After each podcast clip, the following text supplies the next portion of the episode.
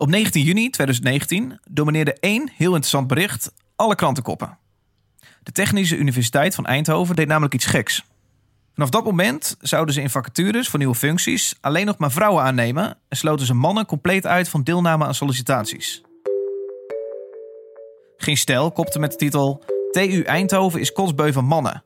Je moet gewoon even schudden met je borsten en je kan er aan de slag. En ook bij mij gingen de wenkbrauwen omhoog naar de keuze in Eindhoven. Het zou mij als man uitsluiten van een functie daar puur om mijn geslacht. Dat klinkt scheef, omdat onderscheid bij de wet verboden is, maar vooral omdat vrouwen in Nederland toch gewoon op hoge functies kunnen solliciteren. En dit is het land waar we toch altijd puur voor kwaliteiten gaan en nooit voor geslacht. Het is niet zo. Ja, probeer te denken aan een professor. Wat denk je?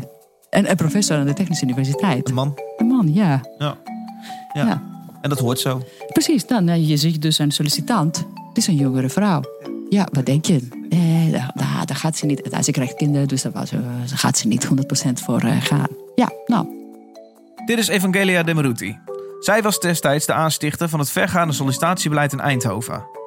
Want als organisatiepsycholoog zag ze jaar in jaar uit stereotype denkbeelden bevestigd worden in hoge functies. En die ken je ook, die man trouwens. Dat is ook wat vaak eh, dat geval was. Daarmee praat je in congressen en bij die plekken waar, waar de netwerken ontstaan. En waar die werken, netwerken eigenlijk voor zorgen dat jij solliciteert aan een functie. Dat is wel echt moeilijk te doorbreken. Dat is heel moeilijk om te doen. Ja, En toch is het jou gelukt. Met een eh, eh, drastische manier. Met een manier die eh, die, die natuurlijke, dat, natuurlijke verloop Je breekt. echt sch- omver schopt even. Ja, ja. Was na eeuwen van specifieke denkbeelden over vrouwen de wetten aanpassen de afgelopen 100 jaar genoeg? Mag je in sommige gevallen de praktijk handmatig de andere kant op buigen om uiteindelijk een eerlijke balans te krijgen? Of gaat het uitsluiten van andere groepen dan weer te ver? Want op papier heeft iedereen dezelfde rechten. Maar hoe ziet de praktijk eruit? Mijn naam is David Achter de Molen. En voor het College voor de Rechten van de Mens is dit het vraagstuk. Met deze maand de vraag: Mag je vrouwen voortrekken om een mannenbolwerk te doorbreken?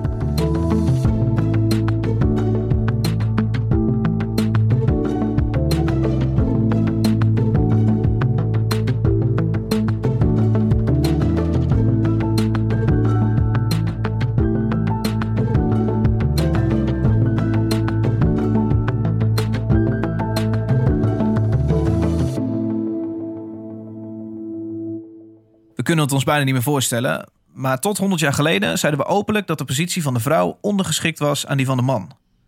Tot 1906 mochten vrouwen alleen bij uitzondering en met toestemming van de minister deelnemen aan hoger beroepsonderwijs.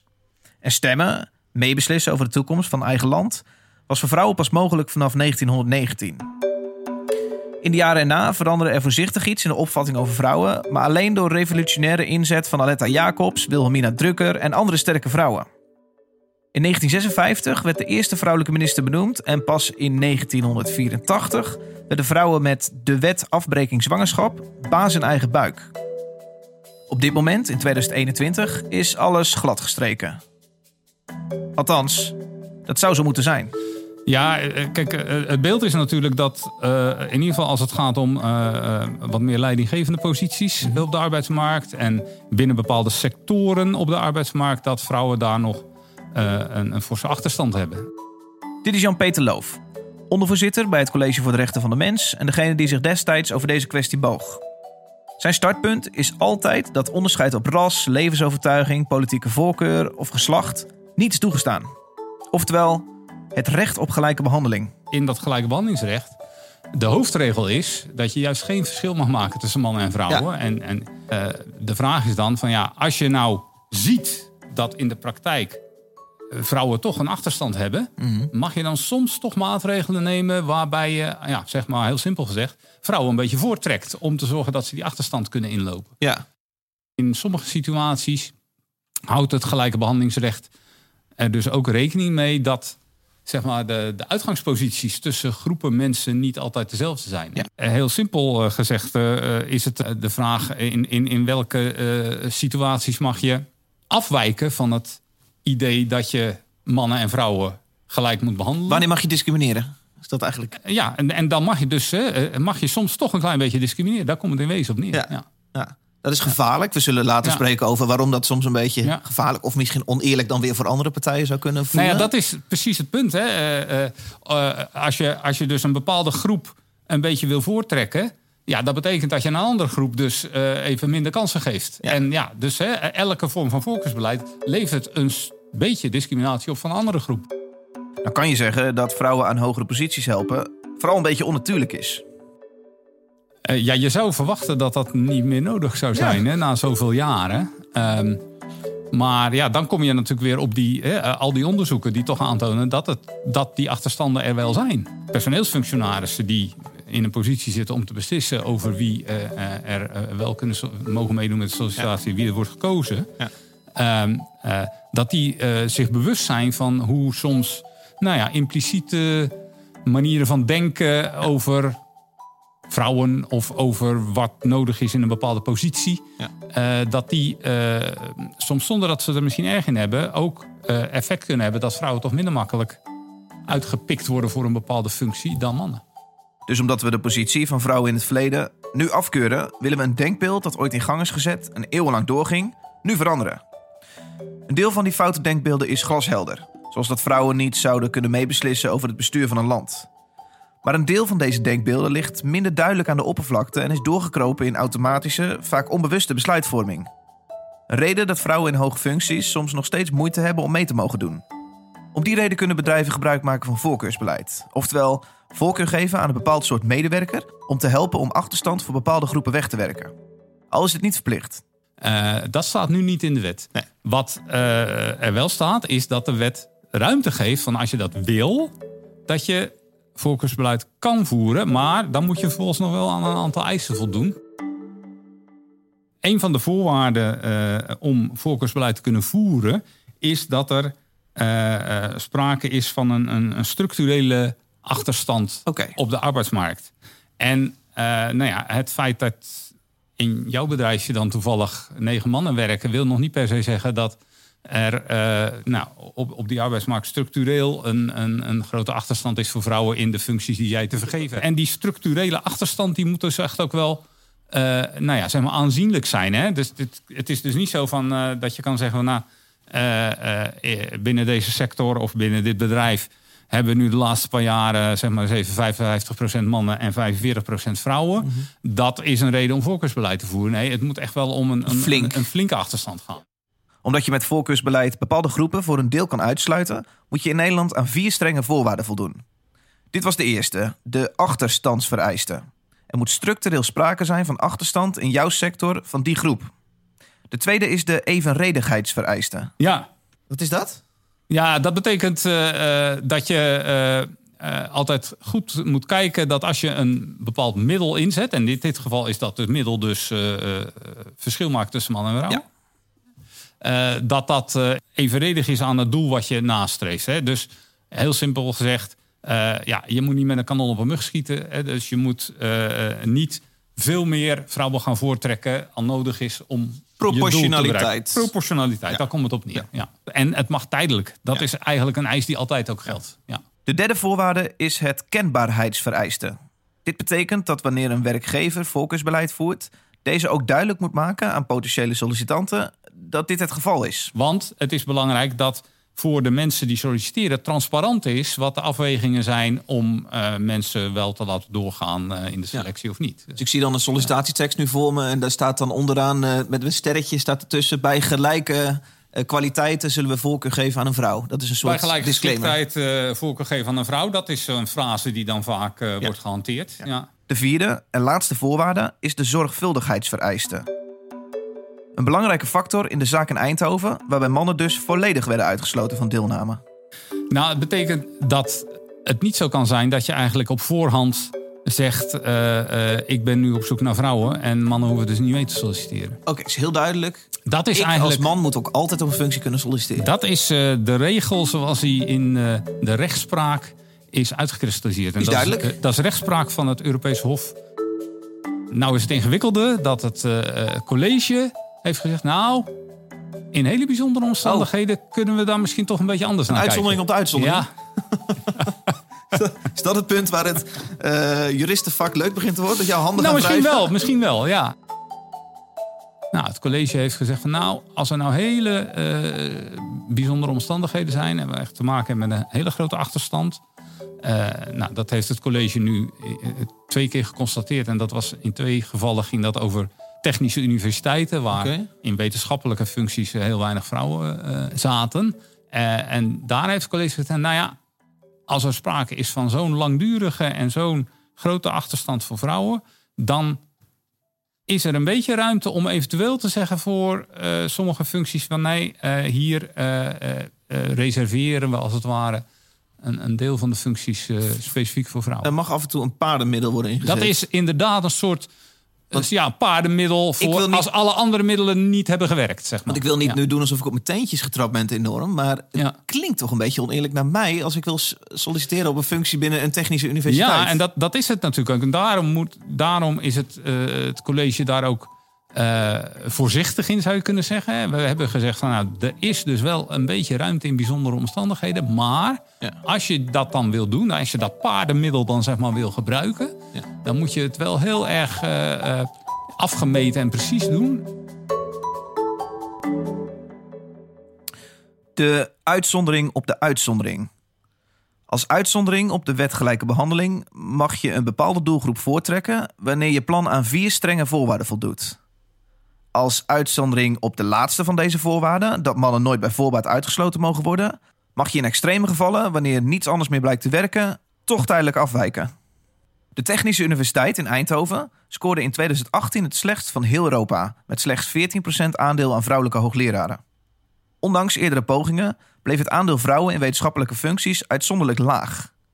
Met het Irene Curry Fellowship programma hopen ze in 2019 een enorme stap te nemen door vijf jaar lang vacatures telkens de eerste zes maanden alleen maar beschikbaar te maken voor vrouwen.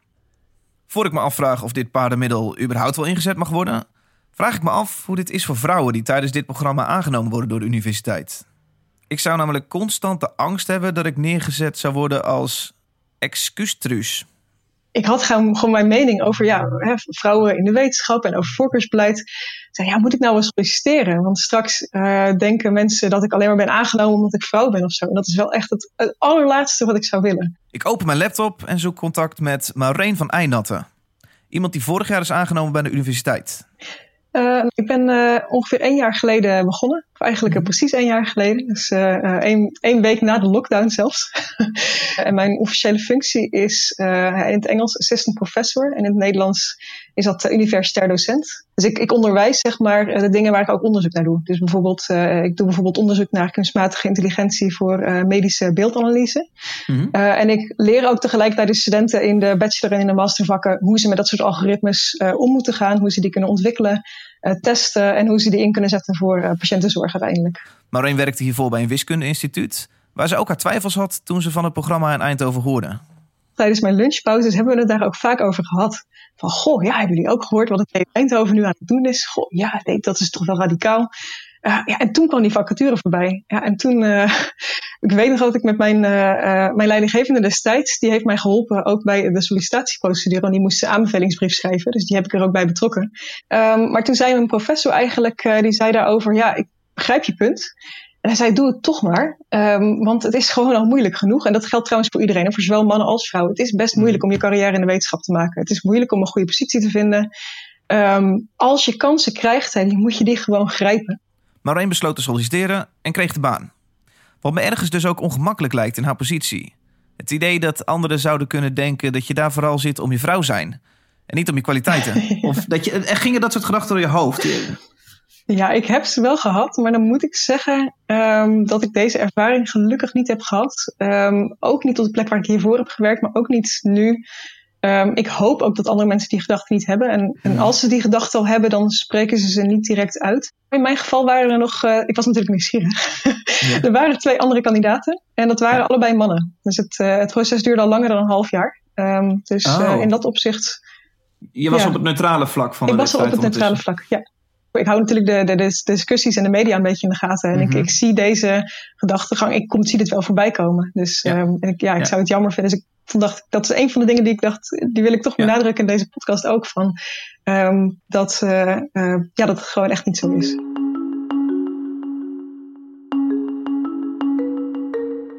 Als ik vraag naar discriminatie in haar werkveld, ziet Maureen wel degelijk belang van een vergaand voorkeursbeleid. En noemt ze ook de nodige negatieve ervaringen rond stereotype denkbeelden. Het zijn kleine dingen, het is moeilijk om daar dan iets van te zeggen. Maar bijvoorbeeld een verslag inleveren samen met een vriend van me. En dan um, anderhalve punt lager krijgen, bijvoorbeeld, voor hetzelfde verslag. Um, en als ik dan de, de, docent daarna vroeg, zei hij gewoon: uh, Oh ja, maar dit heb je toch ook niet zelf gedaan?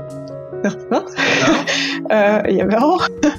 Oké, okay. uh, dus van die hele vreemde soort van ja, vooroordelen. Dus hij ging ervan uit dat mijn mannelijke uh, medestudent uh, het, het gros van het verslag had geschreven. Dus dat, dan ben je dat soort opmerkingen en situaties. Ja, ja en dat is lastig, want waarschijnlijk is het ook een, een, een gevoel van je niet helemaal zeker kan zeggen. Ja, is het echt zo of zijn er andere redenen? Maar je voelt ergens wel degelijk aan. Ja, dit, wel. Dit is een beetje gek. Ja, ja gewoon kleine dingen. En ja, dus Dat, dat, dat heb ik wel gemerkt. Ik weet nu ook uit mijn eigen ervaring hoe belangrijk het is om uh, een, een, soort positief voorbeeld te hebben. Van, en dat, zij, dat, dat eigenlijk alle vrouwen. We hebben nu ook weer een hele mooie verdeling in, in uh, onze opleiding nu op de TUE. waarbij mannen en vrouwen eigenlijk heel mooi gelijk zijn. En um, ja, de truc is natuurlijk ook om nu vrouwen ook ervan overtuigen dat een baan in de wetenschap ook, ook haalbaar is en leuk. En ja. dus ik vond het al ja. wel heel leuk. Ik heb pas één vak eigenlijk zelf gegeven in het najaar. Maar dus kwamen wel als studenten naar me toe, vrouwelijke studenten die zeiden: Oh, we vonden uw vak zo inspirerend. We, we hebben nu. We, we, hebben besloten om uw master te gaan doen. Weet je wel, dat is niet mijn master. Maar ja. ja. dat vond ik wel superleuk. Daar doe, doe ik het ook een beetje voor.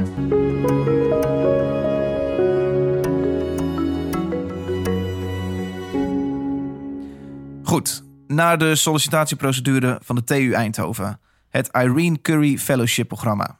Destijds aangesticht door de dame die je aan het begin van deze podcast al hoorde. Evangelia Demaruti. Ja. Ik spreek het Italiaans uit. Ja, Italiaans, ja. maar ik ben eigenlijk Grieks. Het is Grieks. ja. Evangelia is arbeids- en organisatiepsycholoog en in 2017 aangesteld bij TU Eindhoven als Diversity Officer. Iemand die allerlei initiatieven in gang probeert te zetten om inclusie in de organisatie te bevorderen. Geen gek idee, omdat daar de afgelopen vijf jaar nogal wat te winnen viel. Niet alleen de afgelopen vijf jaar, die, die afgelopen tijd afgelopen eigenlijk. 100 jaar? Uh, zoiets. Toen ik ging werken, 2009, was dat 5% 5% was mijn vrouw. Ja, dus waar ik ook was, was ik die enige vrouw. Ja. bij ja. En, en de universiteit wou dus uh, die percentage vrouwen sneller in gang zetten. Je ziet dat uh, Nederland en vooral TU Eindhoven eigenlijk de, de onderkant, die, die laagste percentage heeft. Ja, van heel Europa volgens mij. Van ja? heel Europa en van Nederland ook geweest. het is dus wat bij ons aanwezig was, is niet representatief voor de populatie. En dat vinden we eigenlijk niet eerlijk. Ja. dat betekent, er gebeurde iets wat die vrouwen, vrouwelijke studenten, vrouwelijke collega's tegen heeft gehouden om bij ons te komen werken. En dat is niet uh, eerlijk. Kan het ook zijn dat er gewoon minder vrouwen geïnteresseerd zijn in een technische uni universiteit? Ja, dat kan. Dat kan, maar niet zo weinig als wij hebben. Niet, niet 5%? ja, dat was het probleem. Wat uh, onderzoek laten zien is dat als, uh, ja, als je diverse mensen bij elkaar een probleem probeert te laten oplossen. Mhm. en als ze zich veilig voelen om bij te dragen. En hun perspectieven in te brengen, dan komen ze tot creatievere oplossingen. Ja. Want eh, er komen ook andere aspecten die misschien die meerderheid niet gedacht heeft, Ja. die op dezelfde manier continu beslissingen neemt. En misschien duurt die besluitvorming langer, maar komt een betere resultaat uit. Wat hebben jullie daarvoor allemaal ondernomen Ja, om meer vrouwen te krijgen? ja we hebben targets gesteld. Targets, ja. Ja, dat, hè, wat normaal gedaan wordt. Eh, er was ook. eh, Wat was het target? Waar hoopten jullie op? eh, 20 procent. 20% vrouwen. Ja. Ja, ja, we hebben, eh, eh, hoe heet dat, eh, trainingen gegeven. Wat voor Eh, trainingen? Trainingen voor ehm eh, die bias trainingen. Eh, dat mensen die andere mensen selecteren, of voor eh, aanstelling of voor promotie, dat ze eh, ja, bewust worden, Bewust worden van, ja, over hun, ja, hun biases en, en deze proberen eigenlijk te onderdrukken. Faculteiten aangesproken, hoe ze die diversiteit kunnen verhogen. Mensen aangesteld of aangewezen die die diversiteit moeten eh, eh, vermarkten in die faculteiten en daarvoor te zorgen. De universiteit nam veel initiatieven om een diverse gezelschap te krijgen. Niet alleen om er beter op te staan in de rest van Europa, maar omdat ze dit zelf ondertussen als oneerlijk zagen naar de markt en het aanbod van wetenschappers. En omdat ze met een diverse gezelschap een kleurrijkere organisatie hoopte te worden die uitdagingen en onderzoeken van meer dan één invalshoek zou benaderen. Het bleek allemaal niet genoeg te helpen, waardoor ze twee jaar geleden startten met een paardenmiddel. Het Irene Curry Fellowship. Vernoemd naar de Franse wetenschapper die in 1935 de Nobelprijs voor scheikunde ontving en zich inzette voor vrouwenrechten. De aanleiding was uh, dat uh, de regering heeft meer extra geld toegewezen aan technische universiteiten om technische innovaties in Nederland te stimuleren. Ja. Dat die zogenoemde sectorplannen. Dat betekent dat de universiteiten meer geld zouden krijgen dus en meer mensen zouden aanstellen. En, maar ze moeten ook met een plan komen om, om deze gelden goed te investeren. En in deze plan had de diversiteit ook een plek. En dat zag ik en uh, het kwam natuurlijk ook naar mij. En eigenlijk heb ik aan de rector gezegd: dat is eigenlijk onze kans. Want dit is een, ja, een grotere aantal van mensen die binnen zullen komen. Als wij de diversiteit proberen te verhogen nu, dat, dat zoveel mensen binnenkomen, kunnen we een betere slag maken. Ja. En, en zo is dat eigenlijk. Hè, Jullie zeiden, wij gaan de komende vijf jaar alleen maar vrouwen aannemen. Ja, en dat, dat was eigenlijk niet de bedoeling. Okay. Uh, we wilden, Wat was wel de bedoeling? De bedoeling was dat wij bijvoorbeeld uh, de helft van die posities... Uh, dat was 30 procent. En we dachten misschien die 50 procent van die nieuwe posities... Ja. In die, vrouw, door vrouwen te laten invullen. En dan was zo'n zo, zo gesprek met de college van bestuur... Hè, de, de leiding van de universiteit en die decanen... die de leiders van de faculteiten. En door de discussie uiteindelijk is dat 100% geworden. Hoe heb je dat voor elkaar gekregen? Da, ja, dat is een ruimte van de mannen. Die mannen hebben dat eigenlijk uh, oh, besproken. Hebben dat eigenlijk besproken. Okay. Dat, uh, ja, dat is toch misschien, als we echt iets willen doen, dan moeten we dat uh, nu doen. Hoeveel vrouwen hebben jullie aangenomen de afgelopen twee jaar? Um, tot, tot en met december, dus anderhalf jaar lang. 55. 55 vrouwen op de TU ja. Eindhoven. En dat waren ja. er daarvoor? Uh, kijk, en, en gemiddeld, uh, gemiddeld worden rond 11 mensen aangenomen. Per jaar? Per jaar in de hele universiteit in academische functies. Ja. Nee, eh, niet andere functies. en dus, dat is toch wel een grote... Dan merk je ook meteen, hè? in plaats van 11 per jaar, die mannen en vrouwen vooral mannen, waren aangesteld. Nu is dat 55 in anderhalf jaar. En vooral? En dat had maar vrouwen. De TU Eindhoven rolde hun programma uit en er kwam veel ophef over in de media. Oh ja, heel veel. En nou, wat, precies wat dacht dat. je dan? Eh, ik dacht, nou ja, al die jaren mag jij binnenkomen en die vrouwen niet. En nu misschien een keer voor zes maanden niet. En dat vind je oneerlijk. Nou, vind ik eigenlijk ook niet uh, correct. Nee. nee vind ik ook niet eerlijk. Nee. Ja, dat snap ik heel goed. Al, al, die jaren was alleen of vooral voor mannen, voor mannen bedoeld, uh, ja. de hele universiteit. Het probleem was misschien dat de afgelopen honderd jaar er nooit expliciet is gezegd: vrouwen ja. mogen niet. Nee, maar, dat is precies maar dat probleem. gebeurde dat wel. Ja, stiekem, ja, en dat is inderdaad uh, dat bias is eigenlijk dat uh, die, die stereotypen wat mensen, men, mensen vinden of mensen vinden vrouwen voor technische beroepen niet goed genoeg. Ja. Als professoren niet goed genoeg. Ze zijn als leiders niet assertief genoeg. Dus Ja. alles wat uh, met de universiteit en zulke functies te maken heeft, is eigenlijk geassocieerd met mannelijke trekken. Ja. Of wat wij denken dat het mannelijke trekken zijn. Dat vrouw niet ambitieus genoeg zou zijn om uh, professor, hoogleraar te worden.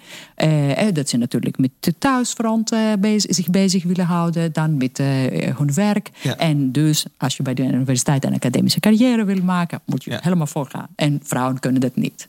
Echter stuitte het initiatief van de universiteit op meer dan alleen verontwaardigde reacties. Onderzoeksbureau Radar bemoeide zich met de zaak en na een onderzoek oordeelde het College voor de Rechten van de Mens op 3 juli 2020 dat de TU onrechtmatig handelde. Eigenlijk is het eh, vooral afgekeurd op eh, dat evenredigheidsvereiste. Ja. Hè, want eh, als het dus gaat om, om het zorgvuldigheidsvereiste... van nou ja, dat je altijd zowel mannen als vrouwen moet beoordelen... in een sollicitatieprocedure... daar kunnen we Jullie snappen soms, de uitzondering op de soms uitzondering een beetje hier. wel van afwijken. Ja, ja. Maar als je dat dan doet... als je daar dan van afwijkt... dan moet je wel heel nauwkeurig maatwerk proberen te leveren... Eh, dat je hè, dat paardenmiddel van voorkeursbeleid alleen maar gebruikt voor die situaties waarin je echt niet met andere middelen je doel zou kunnen bereiken. En Ja. dat betekent bijvoorbeeld dat je dan heel zorgvuldig moet kijken, TU Eindhoven, eh, doet het probleem van de achterstand van vrouwen zich nou binnen alle verschillende functies daar zich allemaal in dezelfde mate voort. En uit, het, uit de gegevens die wij kregen van de TU Eind, eh, Eindhoven, zagen wij dat eh, niet bij alle faculteiten het probleem even groot was. Dat er ook faculteiten waren waar eigenlijk het doel wat de universiteit voor ogen had, 30% vrouwen in wetenschappelijke functies, al vrijwel bereikt was. Zij injecteerden de hele kudde paarden met een vaccinatie, terwijl eigenlijk een paar zieke paarden eruit hadden gepakt moeten worden. Nou, dat, dat, dat, dat, zo zo zou je het ongeveer kunnen vergelijken. metafoor gaat heerlijk op weer. Ja. Niet leuk, want je wil natuurlijk niet eh, een stempel krijgen dat je tegen die rechten van de mensen. eh, je doet het eigenlijk voor die eerlijk, eh, eerlijkheid. Precies. Je wil die eerlijkheid herstellen voor een groep die benadeeld is geweest, Ja. jarenlang. Toch namen jullie het sportief op. Jullie zeiden, oké, dan gaan we kijken hoe dit wel mag. Want we willen Ja. wel degelijk iets doen aan ons probleem. Maar we willen Ja. ook niet te ver gaan. Ja. Wat hebben jullie, wat hebben jullie gedaan? Eh, we hebben een hele discussieproces eigenlijk gestart. Nou, eerst maar schrikken natuurlijk. En eh, hè, onze ja, teleurstelling dat dat eh, niet mocht. En we, we zijn natuurlijk gestopt onmiddellijk met Oh, nieuwe Op posities. pauze even gezet. Precies, die posities die al liepen, die zijn doorgegaan. Maar we hebben geen nieuwe posities onder deze programma gebracht. En we hebben geprobeerd natuurlijk de besluit van de College van de Rechten van de Mensen te interpreteren. Hoe zou dat wel kunnen? Want er waren toch wel eh, een soort aanwijzingen ook in het besluit. Die ons een beetje in de juiste richting hebben ge- eh, gestuurd. En, en zo zijn we dus met een nieuwe eh, herziene versie. De universiteit kwam met een nieuwe versie van het programma, die wederom voorgelegd werd in een zaak bij het college.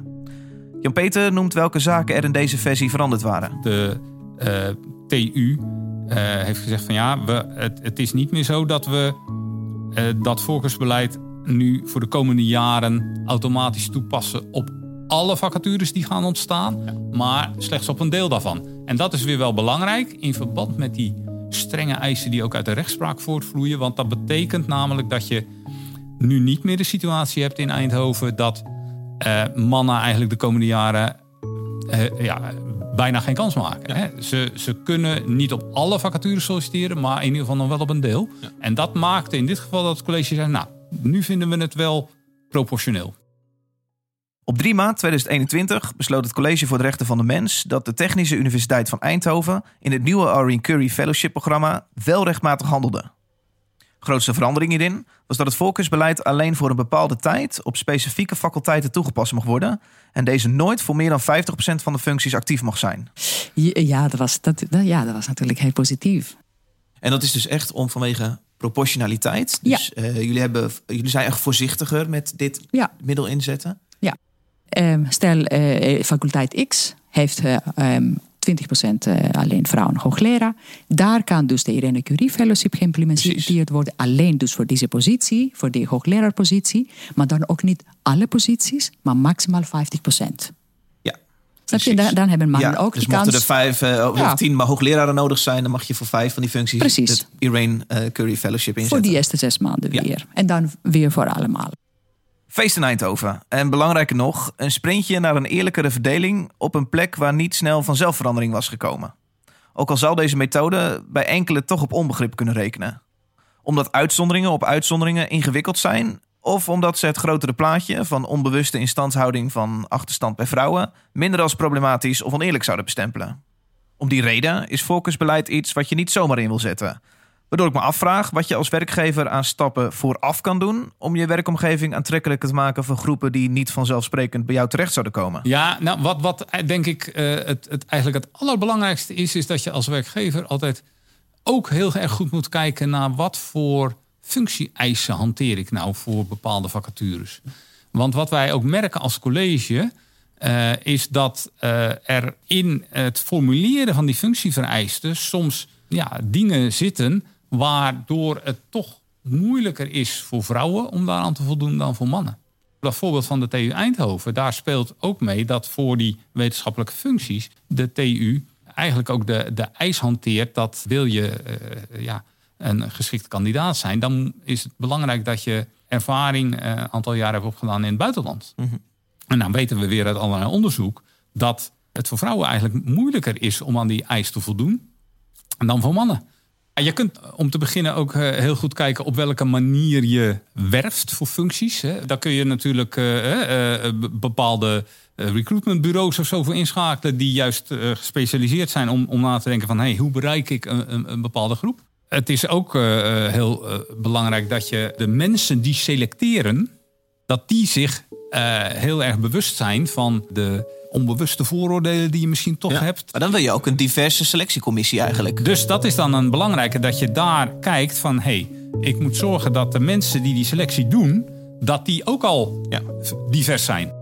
En misschien ook je laten trainen in van eh, wat zijn impliciete soort van uh, vooroordelen of, of manieren van stereotyp denken over rollen die uh, mensen vervullen. zodat je daar heel erg van bewust bent. Want dat is de eerste stap om om te kunnen kijken van oké, als je je ervan bewust bent, dan kan je dingen gaan bedenken om te voorkomen dat die onbewuste stereotypen en vooroordelen dat die toch uh, een rol spelen in je beslissingen. Maar je moet het niet alleen maar bij dat voorkeursbeleid laten. Je moet dan ook in je organisatie verder kijken van ja, als die vrouwen nou eenmaal binnen zijn, is de, is de cultuur binnen de organisatie dan ook zo dat zij zich er thuis kunnen voelen, dat ze zich daar kunnen ontplooien, dat ze serieus genomen worden. Ook Maureen, de universitair docent die tijdens het Irene Curry-programma een baan vond bij de TU, noemt naast het aannameproces het belang van vrouwen bijhouden nadat ze binnen zijn. Want het aannemen is leuk, maar als ze daarna weer weggaan. Eh, ze noemen dat de, de leaky pipeline. Hè? Dus dat naarmate je hoger komt, dat je steeds meer vrouwen kwijtraakt.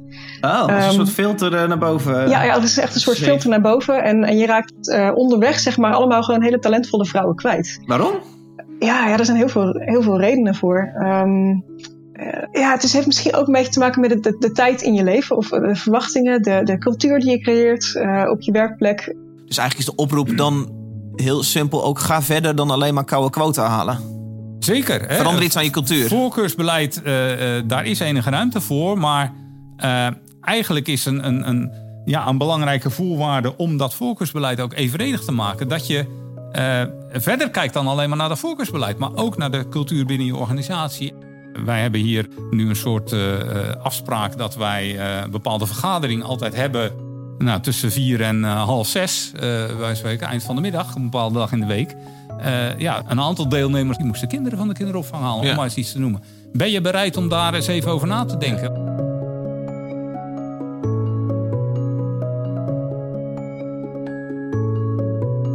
Bedrijfscultuur. Niet zo moeilijk als het omverschoppen van een cultuur die al jaren bestaat en op natuurlijke wijze gevormd is. Zo doen we dingen. Zo hoort het. Dit is hoe het logisch voelt. Alleen wat logisch voelt is niet altijd wat rechtvaardig is gebleken over de tijd. En voor verandering daarin kan soms een draai de andere kant op nodig zijn. Als het gaat om het vraagstuk van deze maand, of je vrouwen mag voortrekken om een mannenbolwerk te doorbreken, is het antwoord ja. Volkersbeleid mag toegepast worden en wordt vanuit de overheid in sommige gevallen zelfs aangemoedigd. En deze mag in sommige gevallen zo ver gaan dat er zelfs een uitzondering op de uitzondering wordt gemaakt. Vergeet alleen niet dat je in deze gevallen datgene aan het doen bent wat je wilt bestrijden: het uitsluiten van groepen. Ook al is dat voor een hoger doel. Om die reden is voorzichtigheid geboden en stelt de wet vier belangrijke voorwaarden voordat je zware middelen in mag zetten. Belangrijk in deze is dat je voordat je begint aan voorkeursbeleid heel veel stappen kunt zetten voordat je een paardenmiddel moet gaan gebruiken. Zo kan je bewustzijn creëren van onderliggende onbewuste aannames die je over functies en sollicitanten doet. Kan je vacatures uitzetten op plekken waar meer van je gewenste doelgroep te vinden is, of een diversere selectiecommissie samenstellen. Want als je van binnenuit echt iets verandert, gaat de rest vanzelf. Wat je wel nodig hebt is een soort van injectie van eh, diverse mensen die op een manier um, ja, met iets meer ondersteuning in de bedrijf of die organisatie binnenkomen. Want automatisch gaat dat niet gebeuren. Dus je moet eerst maar zorgen dat een diverse, diverse groep binnenkomt. En die doet eigenlijk haar werk daarnaar. Want die trekt dan andere mensen, ja. uh, diversere mensen aan. Ze zien, oh ja, nou, in Eindhoven is dat mogelijk om hoogleraar te worden. En wat ook wel uitgekomen is, hoe belangrijk de rol van leiders is voor deze hele kwestie. Het gebeurt niet automatisch. Snap je? Dus je hebt ook toch wel mensen nodig die daarvoor zorgen dat de rest van het team eh, meedoet en bijdraagt. En dat dat zorgt voor die goede publicaties, projecten, kennis, onderwijs.